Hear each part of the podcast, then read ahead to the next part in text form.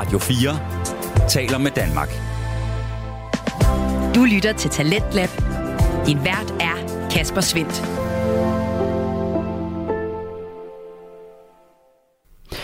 Hjertelig velkommen tilbage til programmet her på Radio 4, som præsenterer nye stemmer, fortællinger og holdninger. I aften kommer de fra en enkelt dansk fritidspodcast. Den hedder Det forladte Danmark og består af Mikkel Hersken Lauritsen og Rasmus Svalø.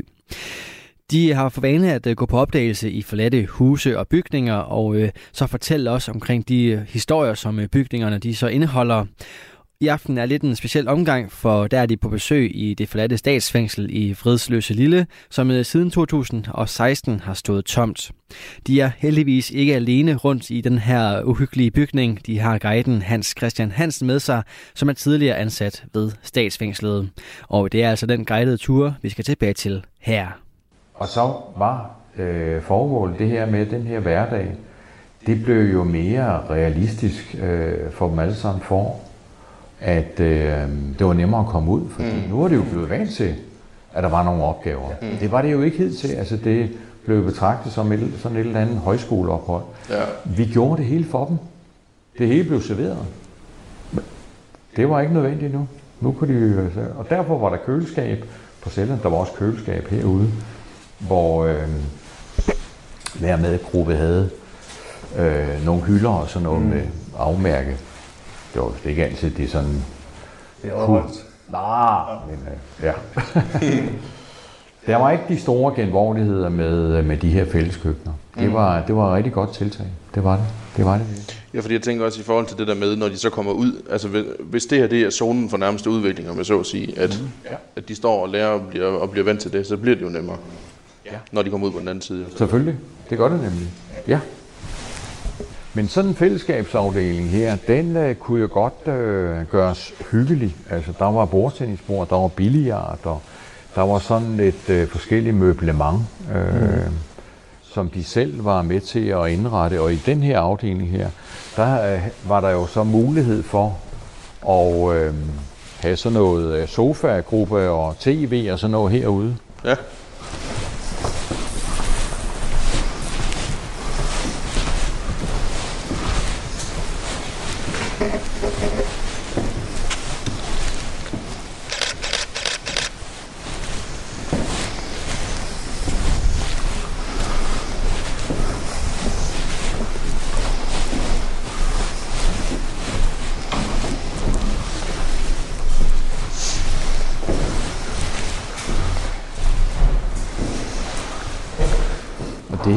sådan set øh, et udmærket øh, afslappningslokalitet, mm. det må man sige.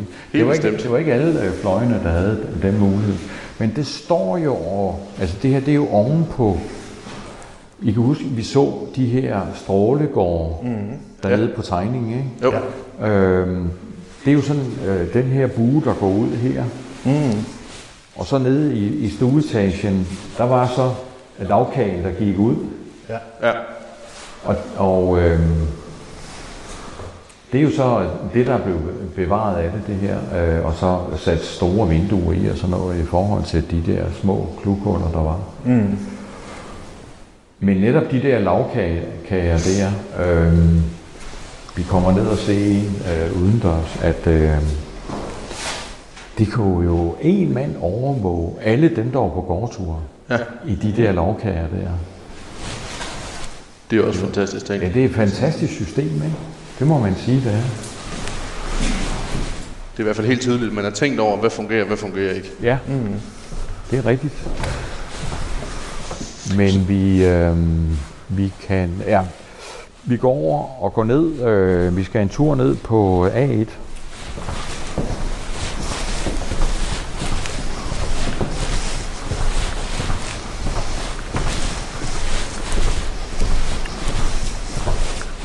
Men det bliver jo spændende øh, med, øh, hvor meget af det her man kan, kan bevare, øh, alt efter hvordan tilstanden, øh, fordi umiddelbart, så øh, kunne det godt tænkes, at den her B-fløj og C-fløjen øh, bliver revet ned, men murstenene gemt og så bygget op igen. Ja.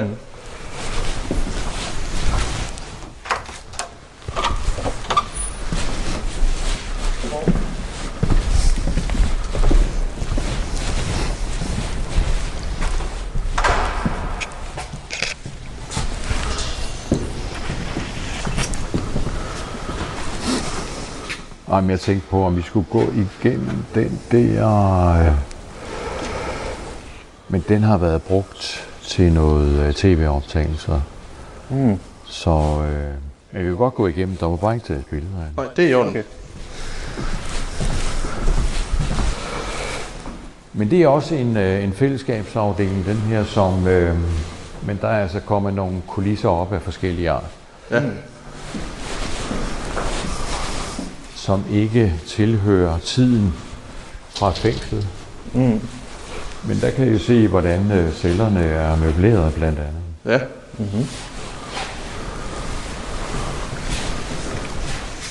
Åh oh, ja. Ja.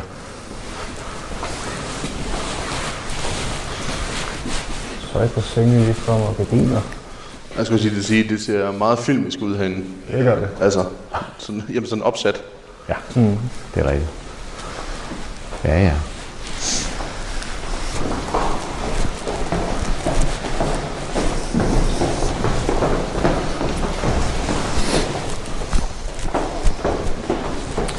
Men nu, nu er vi nede i, øh, på isolationsafdelingen. Ja. A1, og øh, det er jo ikke en fællesskabsafdeling. Folk, der sidder her, de sidder simpelthen is- isoleret, sad, øh, af, af flere forskellige grunde. Ja. Nogle direkte øh, en straf øh, over længere tid, som isoleret. Mm-hmm. Som for eksempel øh, den der celle, øh, den er dobbelt, vi har en til. Øhm, og den er særligt sikret, den her celle, i vægge og i gulv og i loft, fordi at øh, på et tidspunkt var det nødvendigt, at vi måtte øh, rokere nogle indsatte rundt imellem øh, tre fængsler Okay. på grund af sikkerheden og fru- flugttrusler og alt det der. Mm. Så øh, derfor dobbeltcelle, fordi så skulle der være, øh, altså det, det, det er jo både øh, fritid og arbejde og øh, motionsredskaber og seng og ja, det hele samme sted. Hvad kan det typisk være for en type indsat, der sad sådan et sted her? Ja, det kunne være terror, terror der øh, Ja. ligger bag. Ja. Og når jeg siger flugttruet, øh, så er de det, men det kan også være det modsatte. Befrielse. Mm. Og derfor så flyttede vi dem, øh, uden de vidste noget, Ja. hvornår og hvor ofte og alt det der. Så der hele tiden var sådan et, altså et, et anti-mønster. Ja, Ja. det, det er fuldstændig rigtigt. Men man kan tydeligt ligesom mærke forskel kan den der afdeling deroppe og her, Ja. ja. at det her er jo ikke en fællesskabsafdeling. Ej, det kan man godt mærke. Kli, altså miljøet er, er sådan koldt på en eller anden måde. Der er sådan en helt anden stemning hernede. Ja, lige nøjagtigt. Og de der to celler, det var dem, Palle Sørensen sad i. Det var hans arbejdscelle, og det var hans øh, hvile- og opholdscelle. Okay. Ja.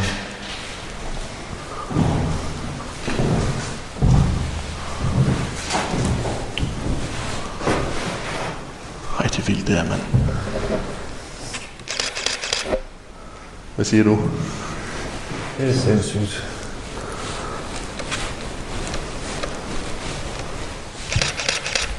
Jeg tænker på, at jeg sidder derinde. Jamen, det er jo det.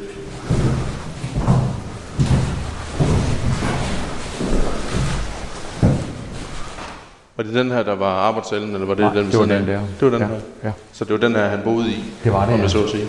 nummer 22. Nummer 22. Ja.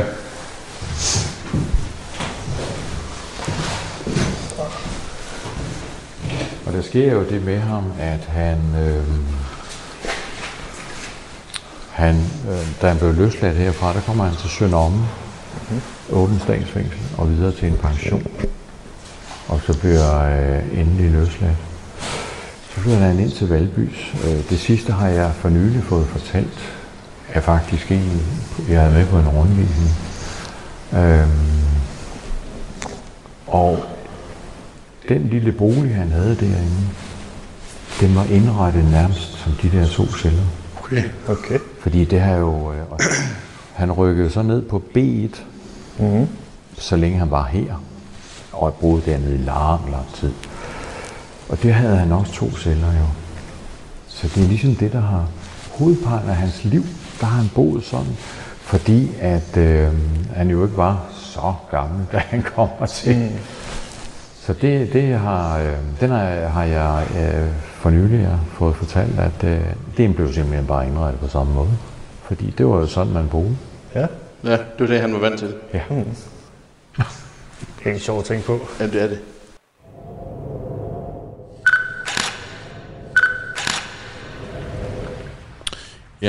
Palle Sørensen. Ja. Og til de af jer, der ikke øh, ved, hvem Palle Sørensen er, så er det altså en, øh, en mand, som øh, blev dømt for politimord. Palle Sørensen, dem for øh, politimord på fire politibetjente tilbage i øh, 1965. Mm. Og er den dansker, der har siddet anden længst tid i fængsel. Ja. På 33 år. Kun lige overgået af, nu kan jeg ikke huske, hvad han hedder. Fordi det, han var ikke særlig relevant for fængslet her, fordi han ikke har siddet derinde. Det kan jeg ikke huske, hvad han hedder. Pelle Lundin. Ah, nej, han er nede som nummer 3 eller 4. Nå, okay. Det ved jeg ikke, hvem du snakker om så. Det kan jeg heller ikke huske. Også helt relevant. Men ja, Palle Sørensen, han var altså en, faktisk en simpel indbrudstyv. Ja. Som den 18. september 1965 skød og dræbte fire politibetjente på Amager. Og er altså efterfølgende blevet omtalt som politimorderen. Mm. Palle Sørensen, han, efter, han, øh, slutter, han meldte efterfølgende sig selv og blev den 18. marts 66 idømt livsvarigt fængsel. Her blev han så benådet den 4. maj i 98, og var på det tidspunkt den person i nyere tid, der havde afsonet den længste straf i Danmark. Ja. Den her, øh, det her drab her, det øh, har altså samtidig også givet anledning til udtrykket 4-0 til Palle, Ja, ja. I forbindelse med øh, i hvert fald konfrontationer med øh, politiet. Mm-hmm. Det, det kan man jo så lidt selv regne ud af. Regne ud, hvorfor. Men øh, som Hans Christian han jo også fortæller her i øh, løbet af vores, øh, af vores tur, Palle Sørensen var jo finmekaniker, og havde altså derfor en, en arbejdsfunktion her i, i fængsel, hvor han reparerede øh, skrivemaskiner og andre ting, som de havde på kontoret, når det gik i stykker, så kunne han sættes til at lave det. Ja, og det var ret altså en øh, indsat, der man lige kunne... Øh, Hvad lige kunne øh, få til at hjælpe sig med her nemlig- ting. Men øh, nu- var jeg lige ind i research. Ja. Jeg kommer 100% til at totalt udtale det her navn forkert. Men den dansker, der har siddet længst tid i fængsel, Mm-hmm. er Naum Konveski. Må jeg prøve at se. Nå, Naum Konevski. Hvad kan også det, jeg sagde? Jeg tror, du sagde Konveski eller sådan et eller andet. Det ved jeg ikke. Okay, igen, jeg sagde, jeg kommer 100% til at udtale det forkert. Naum Konevski, ja. Hvor lang tid har han siddet? Han har også siddet i 33 år, men Mm. det var to uger mere end, øh, En Palle Sørensen. ja, hvad jeg lige, hurtigt lige kan læse mig frem til. Og derfor er det altså også vigtigt at huske på, at det her, når man snakker om livstid i Danmark, at man siger, om livstid, det er 16 år. Nej, det er det faktisk ikke. Nej, Som udgangspunkt, det er livstid, det er livstid. At så ofte er det så er vist i kåret, det er sådan noget. Ofte så er det omkring de her mellem 12 og 16 år. Mm. Men øh, hvis man lige øh, slår det op her, så står der her, det er fra TV2, at fængsel på livstid betragtes som landets strengeste straf, og er som udgangspunkt en dom til fængsel resten af livet. Mm. I gennemsnit, der bliver livs, livstidsdømte dog løsladt efter 16-17 års fængsel. Og tidligst efter 12 år kan en livstidsfange blive prøveløsladt. Så det har altså ikke noget at gøre med, at det er en, at det er en livstidsstraf, det er kun er 16 år. Det har bare noget at gøre med, at de i gennemsnit bliver løsladt efter de er 16-17 år, af den ene eller den anden årsag. Ja, Det kan være, at man vurderer, at straffen den ikke er, den ikke er tidsvarende længere ja. i forhold til dommen. Mm. Eller man vurderer, at den her person her, han kan altså godt komme ud i samfundet igen. Det er også derfor, det er først efter 12 år, man kan blive prøveløsladt. Mm. Så vi skal have en minimumstraf på 12 år. I hvert fald som udgangspunkt, Mm. før man kan blive prøveløsladt. Men som udgangspunkt, så er livstid altså livstid. Ja. Man kan sige, apropos Peter Lundin, han er jo så en, der er livstidsdømt, som altså også stadigvæk sidder. Det er han. Det er altså mere end 16 år, han har siddet. Ja. Han kan godt gå hen og blive øh, en, der kommer til at sidde allerlængst tid. Ja, det kunne han godt. Eller Amagermanden også. Og sammen. Men øh, lad os da komme tilbage til turen.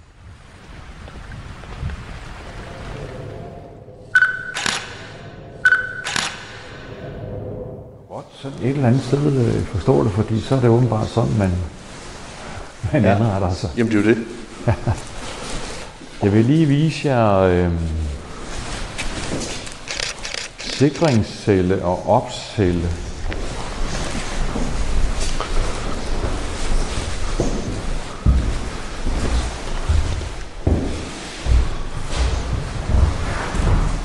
Det er en sikringscelle, den her. Okay. Og det er der, man bliver spændt fast. Når der er sket et eller andet øh, oven i hovedet på nogen. Øh, mm. Og så øh, at det har været nødvendigt at fixere dem simpelthen mm, ja. i en eller anden periode. Men der er jo så kraftig overvågning sådan et sted her. Mm. Øh, for der, der er personale til stede hele tiden på den anden side. Helt klart. Og embedslægen er også involveret og alt det der, selvfølgelig. Ja.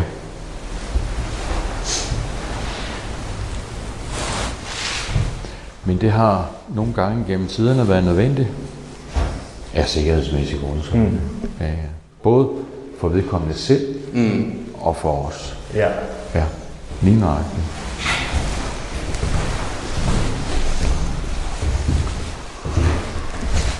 Det her er så sådan en ops-celle, hvor de ikke er øh, spændt fast eller fixeret, men mere sådan har mulighed for at gå lidt rundt. Mm. Indtil at det sådan set er faldet helt ned. Mm. Ja.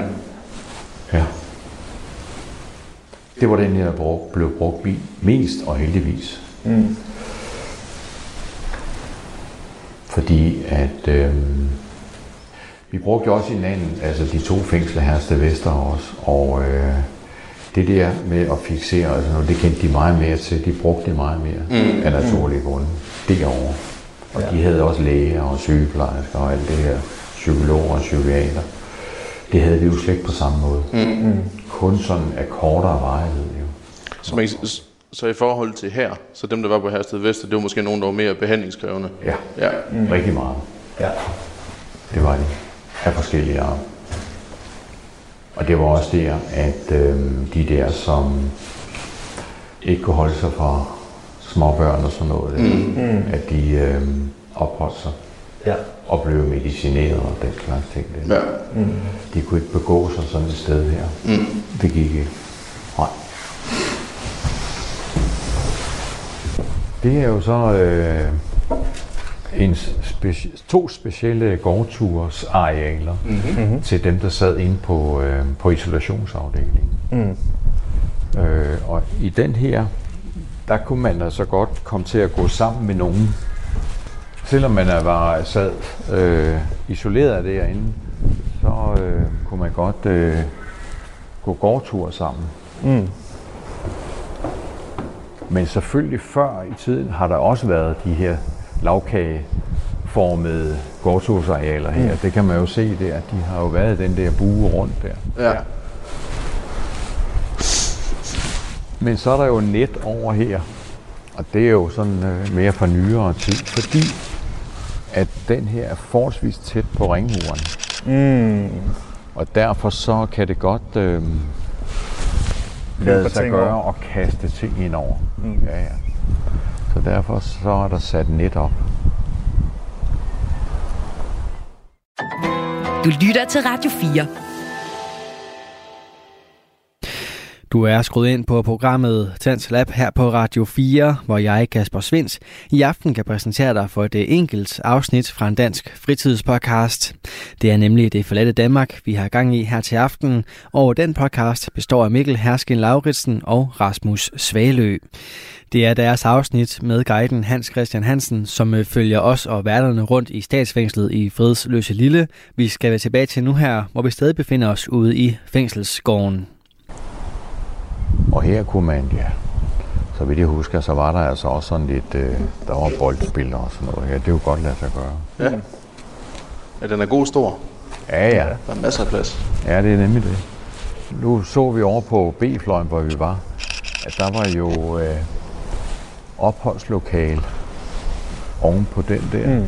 Men her er der jo en, øh, der er jo sådan en trappeop, trappeopgang inde okay. i den. Ja. Men den her gård, det har jo så været til de der særlige sikrede indsatte, Ja. Mm. hvor de gik en af gangen. Ja. Det er jo også for eksempel sådan et loft der, det øh, er meget sikret, kan man Mm. roligt sige. Det tør siges. ja der, er, der er både net og gitter. Ja, det er der nemlig. Og overvågningskameraer. To steder. Ja, ja. Ja, der er ikke nogen, der kommer ud herinde fra i hvert fald. det er der ikke. Uden hjælp. Det er korrekt. Det er der simpelthen ikke. Hvor lang tid havde de en gårdtur cirka? Time. En time. Ja. Det er det mest udbredte, det er en time ad gangen. Ja. ja. De steder, hvor øh, de er isoleret. Ellers, altså gårdture ude på terrænet, øh, det, det er jo af af flere timers varighed. Ja, okay. Ja, sagtens. Mm. Altså om søndagen, øh, der kunne de jo sagtens have sådan en, en øh, fra middag af, og så frem til først på aftenen og sådan noget der. Ja, okay. Ja. og de kunne øh, grille og øh, spille fodbold. Og, Og bare hygge sig. ja, ja, ja, ja. Og nogle gange var der også underholdning inden musik og sådan noget. Mm. Ja, ja. Det kunne godt lade sig gøre.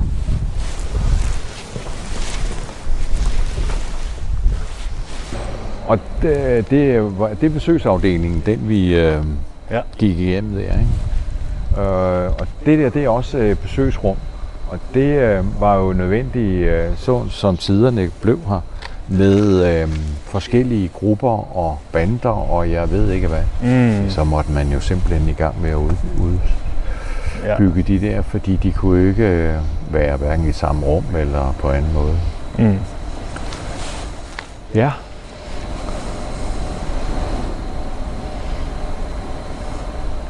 Men I kan så også se herover, fordi Ja. ja. nu vi, ser vi jo så isolationsafdelingen her Åh oh, ja, udefra. Ah, Der er rimelig meget sikkerhed. det er der. det må man sige. Ja.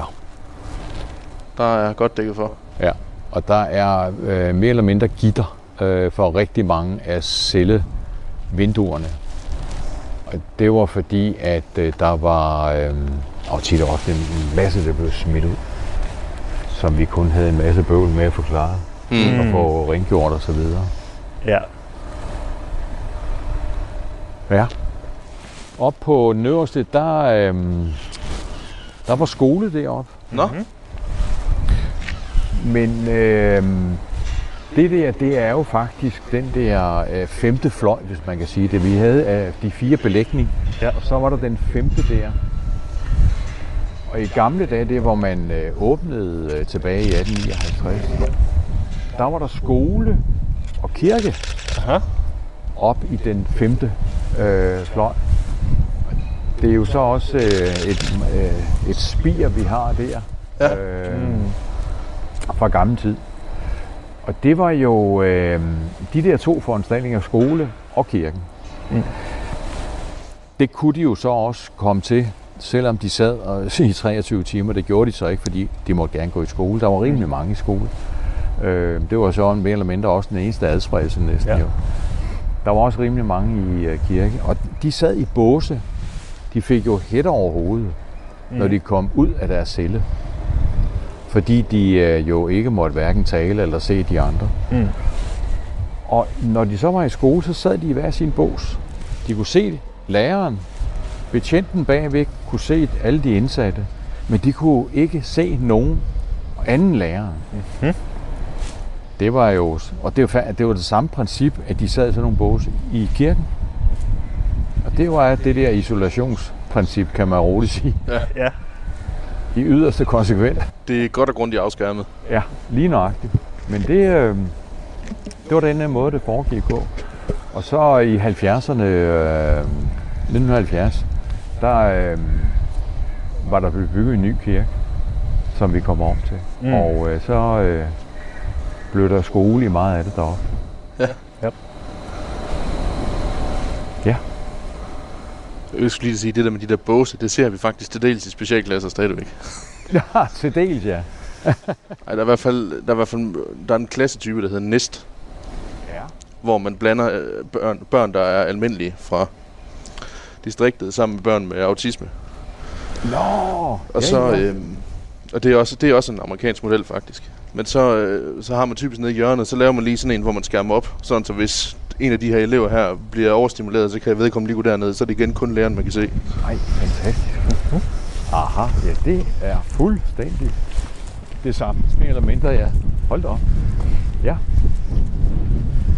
Der ligger et værksted inde bagved her, Ja, og der er, øh, hvad hedder det, øh, det er et kunstværksted, der er, har til hus der nu. Mm-hmm. Og det værksted har netop tidligere øh, været til de her specialafdelinger, øh, narkomanerne, øh, frivillig isolation og, øh, hvad hedder de, øh, da øh, HA på et tidspunkt var på B3, øh, der havde de så også øh, værksted dernede. ja. Så øh, det har været forskellige ting. Og I kan også se op på facaden øh, på, op ved, ved B3, der er ligesom hældt sådan noget ud af, og det var på et tidspunkt, hvor de forsøgte HA'erne at lave en aktion her. Så smed de alt deres maling og alt sådan noget ud. Okay. Ja, ja. Og det kan man godt se der, ja. De var ikke helt enige med os i om nogle ting, og så skal man jo aktionere på en eller anden måde. Og her kommer vi jo så ned til, øh, det er en værkstedsbygning, der ligger her klods op ad ringmuren. Ja. Og der har været meget igennem tiderne. Øh, der har været en øh, stor smedje derinde, der er lavet øh, blandt andet svældebolde. Okay. Øh, der har været gørtleri, øh, hvor man lavede alle knapper og alt sådan noget der, øh, medaljer og alt sådan noget. Og øh, alt inden for, for smedefaget kunne man, øh, kunne man lave herinde. Ja. Så har der været øh, træindustri, Okay. fordi ovenpå køkkenbygningen Mm. lå der øh, lige ovenover i- på første sal der, der lå der et børstenbinderi Mm-hmm. i mange år. I samarbejde med de blindes arbejde omkring at lave børster. Men det var jo en, altså, det var en kræ, krævende øh, arbejdsindsats, og det er jo klart, der var ikke nogen indsatte, der vidste noget om det her, når de blev indsat. Så det var, det var sådan nogle af de simple opgaver, de, de øh, fik, og så var det ellers værkmesterne, som var uddannet til at lave sådan nogle børster, der lavede hovedparten af arbejdet. Mm. Mm. Men det var et godt samarbejde, vi havde med de blindes arbejde der. Det var det virkelig. Og, øhm, men det der træindustri, det hed børstenbinderi, men det blev så senere hen en træindustri. Det voksede faktisk, og derfor så øh, flyttede de så ind her også. Og det var altså nogle år, at vi havde det. Og til sidst så var der så øh, sådan noget øh, samle, øh, hvad hedder det, montagearbejde. Mhm. Øh, hvor, hvor firmaer som, øh, der skulle vi så samle nogle forskellige ting til at lægge i æsker og i plastikposer og sådan noget. Og øh, så ned i nogle kasser, og så blev det jo så solgt i store portioner. Øh, og det var jo noget, de indsatte sådan set godt øh, kunne, kunne og kunne lide. Øh, fordi det, det var sådan forholdsvis simpelt arbejde. Mm. Men til allersidst på det her område her, en tredjedel af hele det her værkstedsområde, der var jo Claus Meier Nå. og lavede øh, kokkeskole. Ja. Så der er vi altså oppe i sådan en forholdsvis nyere tid. Øh, men det var også en succes. Mm. Og hans, øh, hans hensigt var jo net, netop det her med resocialisering. Det gik han jo meget ind for. Ja. Mm. Øh, og han håber jo på at kunne få nogen på rette spor, og måske nogle af dem er også at få øh, skaffe arbejde til dem i da hans virksomhed. Øh, og det skete der også. Mm. Mm. Nogle af dem, som havde været igennem her. Men det, der var øh, en succes også, kan man sige, det var, at hver gang der var et af de her hold, grundskolehold, der var færdige, så blev der inviteret alle af deres pårørende, dem de ville have med, til sådan en festaften med mad. Altså det mad, de har lært at lave. Sådan noget gourmet-mad. Og ja. saftevand. Selvfølgelig saftevand. Og det var altså fantastisk at overvære det der. Både med de indsatte og så de pårørende, hvordan de de var helt rørt over at se deres søn der. Pludselig kunne han lave mad, og han kunne servere, og jeg ved ikke. Jamen det er det, det er jo en sejr. Ja, Ja. Det er jo en kæmpe sejr for dem. lige nøjagtigt. Og så var der øh, dag to, øh, så var der altid, øh, hvad hedder det, øh, billetsag til folk, der ville også have sådan en, en middag at komme ind på fængslet på den måde der. Mm. De var altid udsolgt, de der arrangementer. Hvor de indsatte så igen lave gourmetmiddag og serverede for dem. Og det var for dem også fantastisk oplevelse. Mm. kom der sådan helt vildt fremmede folk, som ville smage det, de havde lært. Mm. Det var jo fint og guld værd. Ja. De var kommet langt. Det var rigtig godt. Det var det. Det må man sige. Men det foregik herinde. Okay. Ja. Ja, det har betydet meget sådan nogle ting. Ja. Ja. Ja. Vi laver lige et, øh, et nedslag mere her. Vi- er nødt til at dykke ned, lidt ned i det her, hvad skal man kalde det, gourmet arrangement. Ja, fordi man kan sige, det her med at være indsat, det er noget, som også giver anledning til utrolig meget stigmatisering i pøblet, om jeg så at sige. Ja. Det er utroligt svært, kunne jeg forestille mig, hvis man er tidligere straffet, og ligesom at komme, komme ud på, øh, på den anden side igen, Mm. og ligesom få en tilværelse, der er værd at leve for. Ja, er bare sådan nogenlunde normal. Fordi man vil hele tiden have det her stempel over hovedet, at man er tidligere straffet for et eller andet. Ja, du er ikke god nok.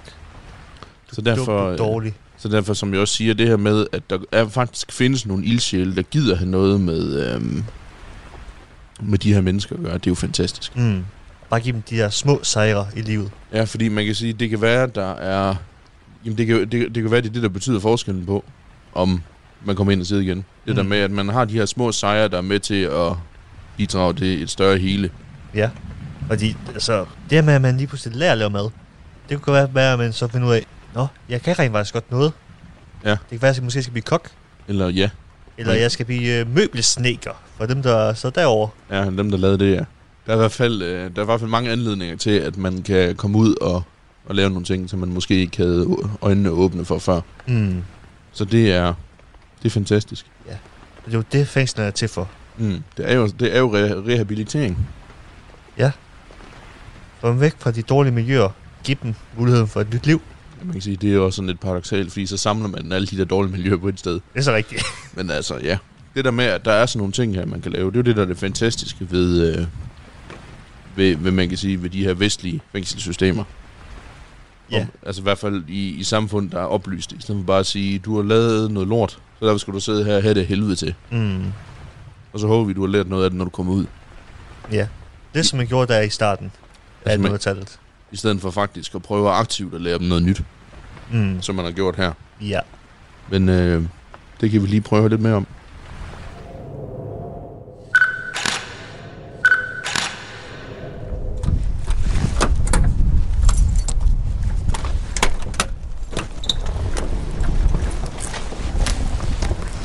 Det er ikke meget, der er tilbage af det gamle køkken. det er godt nok fjernet, mere eller mindre. Ja, det kan jeg godt se. Der er sådan lige noget udsug og sådan lidt, men ellers ikke noget. Nej, det er der ikke. Men man kan se, det er værd om ikke andet. Ja, ja. Det er man ikke i tvivl om. Det er nemlig rigtigt. Det kan man jo godt se med de der ting der. ja. Det er jo det. Ja, ja. Og igen, de her holdere til knivene Åh, ja. i kæder og så videre, ja. ikke? Ja. Ja. Men det var virkelig et øh, rigtig godt projekt, det der.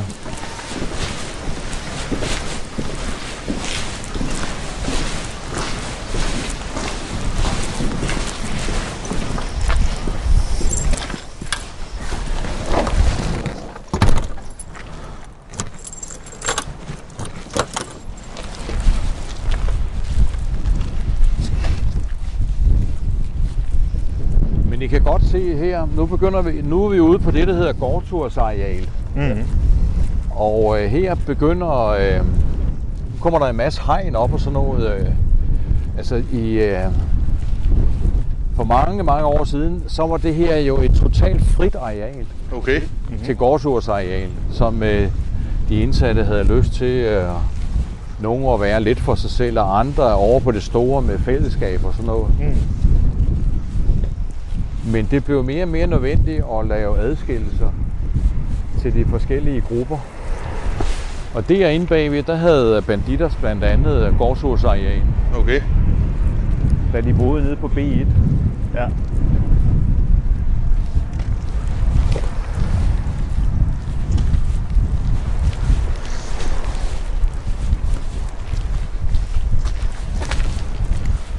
Og så havde de også deres egen øh, undervisningslokaler i den der gule Mm. bygning der. Og det der, det er købmandsbutikken Ah. og lageret. Og den lå jo sådan øh, med en sluse inden fra centralen af, så de indsatte kunne. Og de købte jo mad til at starte med med kontanter. De fik arbejdspenge og kostpenge det her i kontanter, fik sådan en pose hver uge. Ja. Men til sidst var det selvfølgelig på kort, altså ligesom vi andre har et dankort her. Som så øh, af købmanden trak øh, beløbet på det køb, og så var der jo en saldo tilbage, mm. som de indsatte. Så, øh, så stod der uden, uden for øh, butikken, så stod der sådan en computer, hvor de lige kunne tjekke, hvad har jeg af saldo. Ja. Ligesom vi andre kan med, med bank. Mm. Så det var fint nok. Det foregik dybest set jo på samme måde. Så kunne de heller ikke, jo også, at der var de svage indsatte. De, de måtte aflevere penge til højre og venstre, ikke? Ja. til de stærke indsatte. Det kunne ikke lade sig gøre med et kort. Nej, det er lidt sværere. Selvfølgelig var der muligheder, men altså, det var det svære. De var, de var i hvert fald ligesom sikret Mm. øh, mere Mm. Omkring det med, at de godt kunne få mad, ellers så levede de jo bare af havregryn eller sådan noget der. Mm.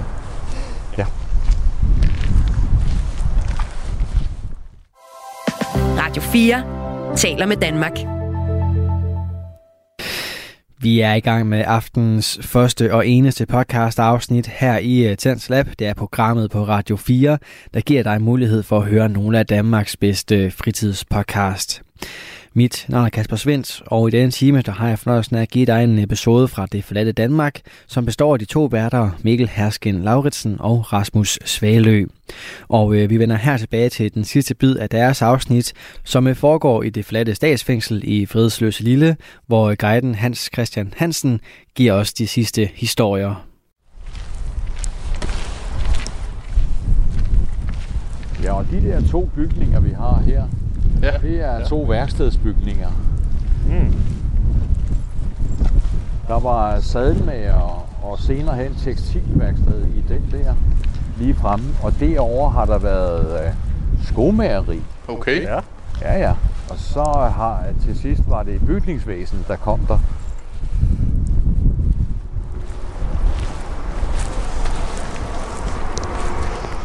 Og det der, det er så øh, det er en motions øh, øh, pavillon, der ligger der, og en undervisningspavillon.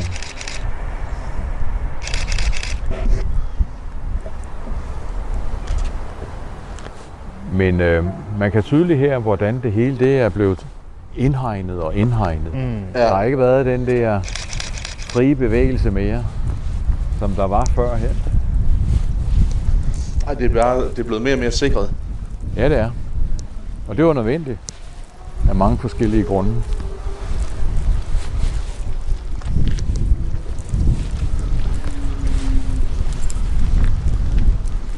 Og det der hjørne dernede, Ja. som er en meget øh, lysere mursten, Mm. Ja. det er jo murens fald Murens fald, ja. Hvor- på var det, var, Det var i Ah. 95, og det var en øh, august søndag, hvor der var fodboldkamp ude i Brøndby. Ja. Og de spiller mod FCK. Og alt politi fra Vestegnen, de var derude. De var derude, ja. Det var perfekt tidspunkt. Ja, ja. Der var 12, der løb. Ja. Og efter 11 måneder var det indfanget alle sammen. Det var ikke længe. Det var det ikke, nej. Det er fuldstændig rigtigt. Sådan har det næsten altid været. At des- Danmark er lille, så det, kan, det er rimelig svært at gemme sig. Mm. Lille. Ja.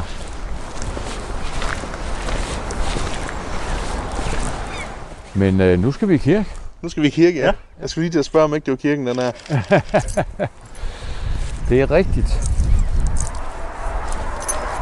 Men har der nogensinde været nogen, der er flygtet, men man aldrig har fundet igen? Åh. Oh det er der. Men det er fåtal. Ja, okay. Men det er der. Jeg kan ikke sætte navn på. Øhm, ja. Og det er selvfølgelig til udlandet, at de har flygtet. Ja. Ja.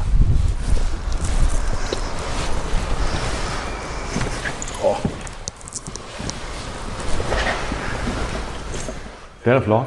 Det er, Det er virkelig flot. Det er helt vildt. Da den var aktiv, der hed den Holsbjerg Mhm. kirken. Den er, og den er rigtig indvidet oh. af de, som nu gør sådan noget. Og øh, I kan også se, at der er jo en øh, døbefond. Mhm. Og det, øh, der har jo også været både barndåb og bryllupper. Nå, nå. Det har. Den har været brugt flittigt. Ja, og det var øh, omkring øh, starten af 70'erne, at den blev indvidet, den her. Så. Okay. Ja. Og øh, det her fantastiske gulv, øh, det blev så lavet i øh, sidst i 90'erne af to kunstnere sammen med en hel del indsatte. Man kunne ligefrem se alle de her forskellige dyr, der er rundt omkring i Jamen, gulvet. det er simpelthen så flot. Ja, det er det. Det er det virkelig. Livets træ, tror jeg, man kalder det. Mm. Og der, altså, der, der er så mange ting, man kan gå og finde ud af. Hov, der er der også det, og nej, der er der også, og Jamen, det er virkelig gennemført. Ja, det er det virkelig. Det er helt imponerende. Og det er klart, den her bygning, den bliver virkelig bevaret. Mm. Øh, men ikke som kirke mere. Der, øh, der bliver noget øh, andet til nogle ja, events, spisninger, og det bliver formentlig, uden jeg ved det præcis, sådan en et form for et borgerhus Ja. i, i det her nye bydel der. Ja. Og det er jo fantastisk. Og så er øh, fangekoret, Mm-hmm. det er jo dybest set opstået her, Ja. af Lou- Louise Ad- Adrian, Mm. tilbage øh, sidst i 90'erne. Og øh, eksisterer den dag i dag. Ja. Der er virkelig sunget meget herover. Det er der. Det kan man godt forestille sig. Ja, ja, ja, ja. Og det er jo fantastisk, at det projekt, at det eksisterer den dag i dag. Og Ja. ja. der er mange af dem, som har næsten været fra start af øh, og blevet løsladt og sådan noget, de er stadigvæk med. Jamen, det er jo klart, det har jo givet dem et, et fællesskab, Ja, de ja, måske ikke at ja. kunne finde andre steder. Lige nøjagtigt. Og de har jo været rundt i kirker i hele landet nærmest og holdt koncerter og sådan noget.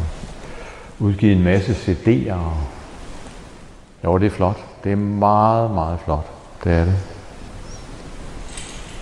Men det tror jeg også, det, altså det har jeg i hvert fald en idé om, at det er også det, det fantastiske ved at, om jeg så at sige, være indsat i Danmark, det er, at tilliden er større, når man kommer ud på den anden side, i forhold til hvis det var i USA for eksempel. Oh, ja. Jo, jo, jo, jo, helt klart. Men det er dejligt, man vil bevare den her. Det er det altså virkelig. Jamen helt bestemt.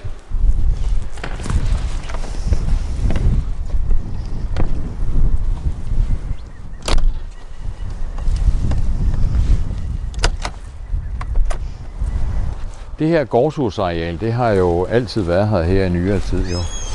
Og været brugt til øh, ja, rigtig mange forskellige ting. Og som sagt også øh, optræden af forskellige arter og mm. musik og Ja. sådan noget der. Og så øh, bænke og borde her, og, øh, og så grill. Ja. Øh, det foregik der meget af. Sådan at, til hverdag om sommeren og om, om, om søndagen og sådan noget der. Mm. Og så øh, kunne de spille lidt bold, fodbold og sådan noget. Og så øh, sådan med årene, så blev der nogle andre tiltag af boldspillere og sådan noget der jo. Ja.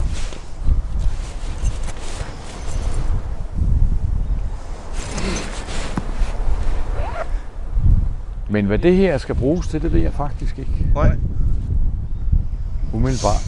Der er mange muligheder lige umiddelbart. Ja, det er der altså. Og dog, og dog.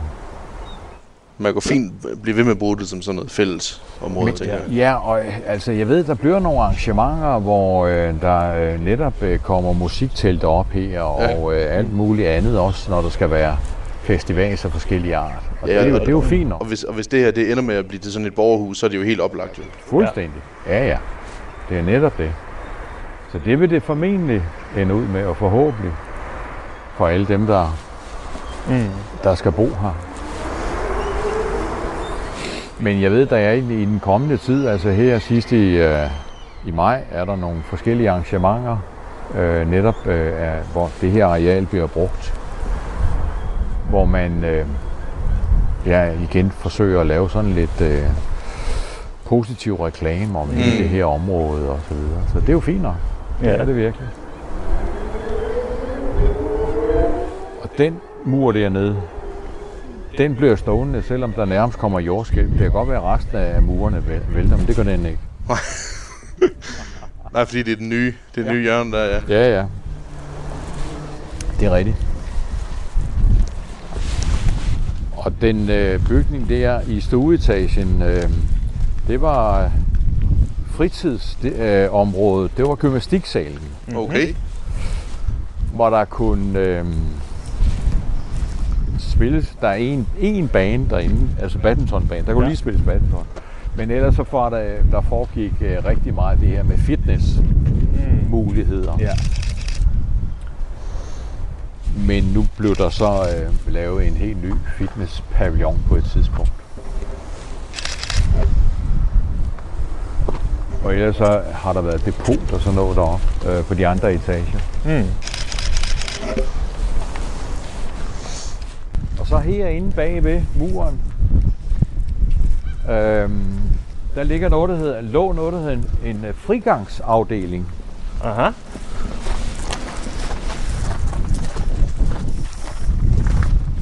Og de, oh, ja. de, øh, den har vi. Og de indsatte, der, der var der, det var altså dem, som havde siddet her i rigtig mange år.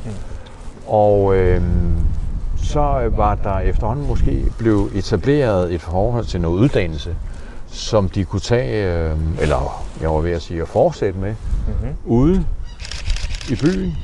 Det kunne også være en, øh, en arbejdsmæssig situation. Og så kom de så herned øh, i den øh, sidste tid på det, der hed frigangsafdelingen, fordi de var væk fra fængslet øh, i dagtimerne. Mm. Tog afsted om morgenen og kom hjem om aftenen. Ja. Uddannelsesstedet eller arbejdspladsen og sådan noget, øh, dem havde vi jo selvfølgelig aftaler med, at der, hvis ikke vedkommende mødte op, så blev vi kontaktet og så videre. Men øh, og de havde jo så også deres egen gårdtur her, for de var ikke blandet med nogen af de andre overhovedet. Mm. Og det var sådan en øh, udslusningsform for, at øh, det skulle være en mere glidende overgang. Ja. Det kunne også være sådan lidt i stedet for et åbent fængsel. Mm. Mm. Fordi det eventuelt øh, var mere praktisk, det de var i gang med, at det var her i nærheden. Mm. Men det fungerede godt i mange år, det skal jeg love for, at det gjorde.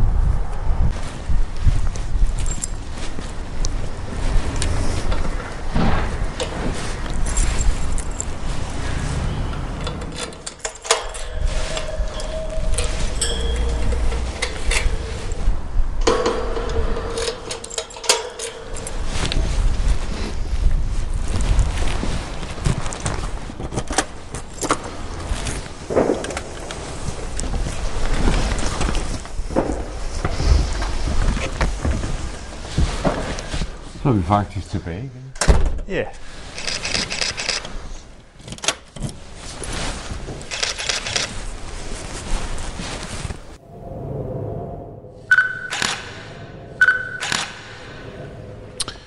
Ja, Ja. Det runder jo lidt øh, vores tur af. det må man sige. Det var en øh, virkelig god tur. Det var det. Specielt øh, Hans Christian, der... Havde en masse info og en masse øh, gode fortællinger. Ja. Det kan i hvert fald lige, øh, i forhold til hvis vi selv gik rundt, så, ville det, så har det i hvert fald lige givet en dimension mere. Det, det havde det 100 procent.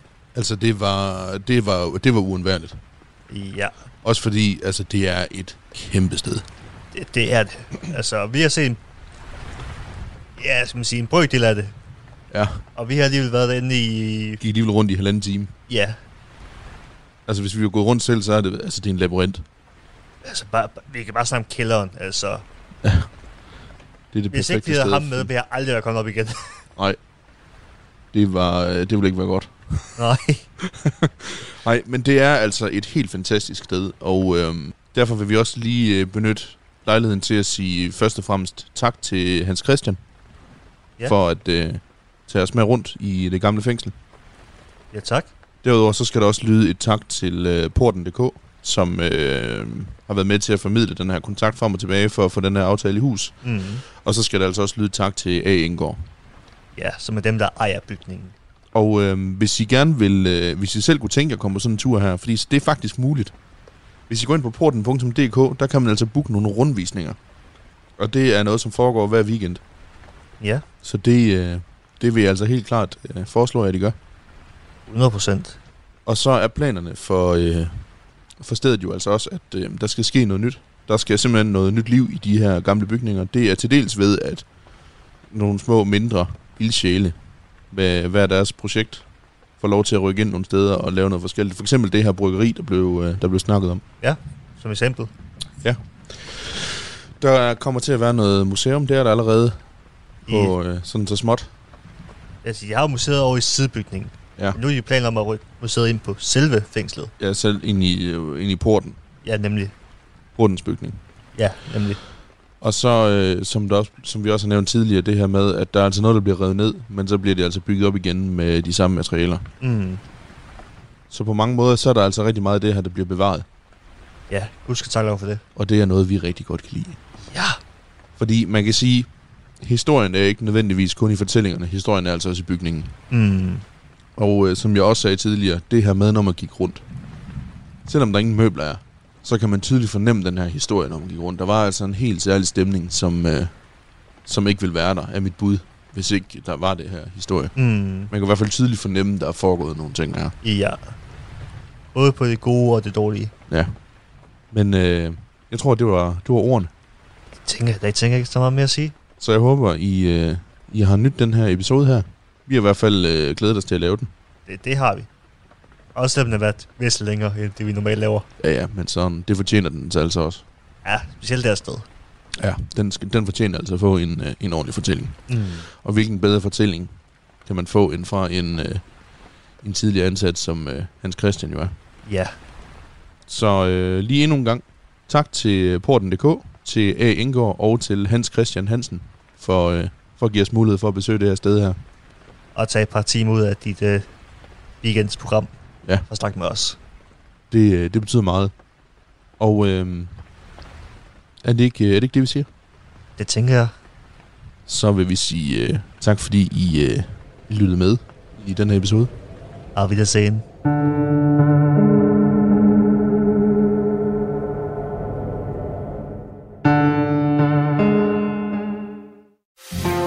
Du lytter til Talentlab på Radio 4.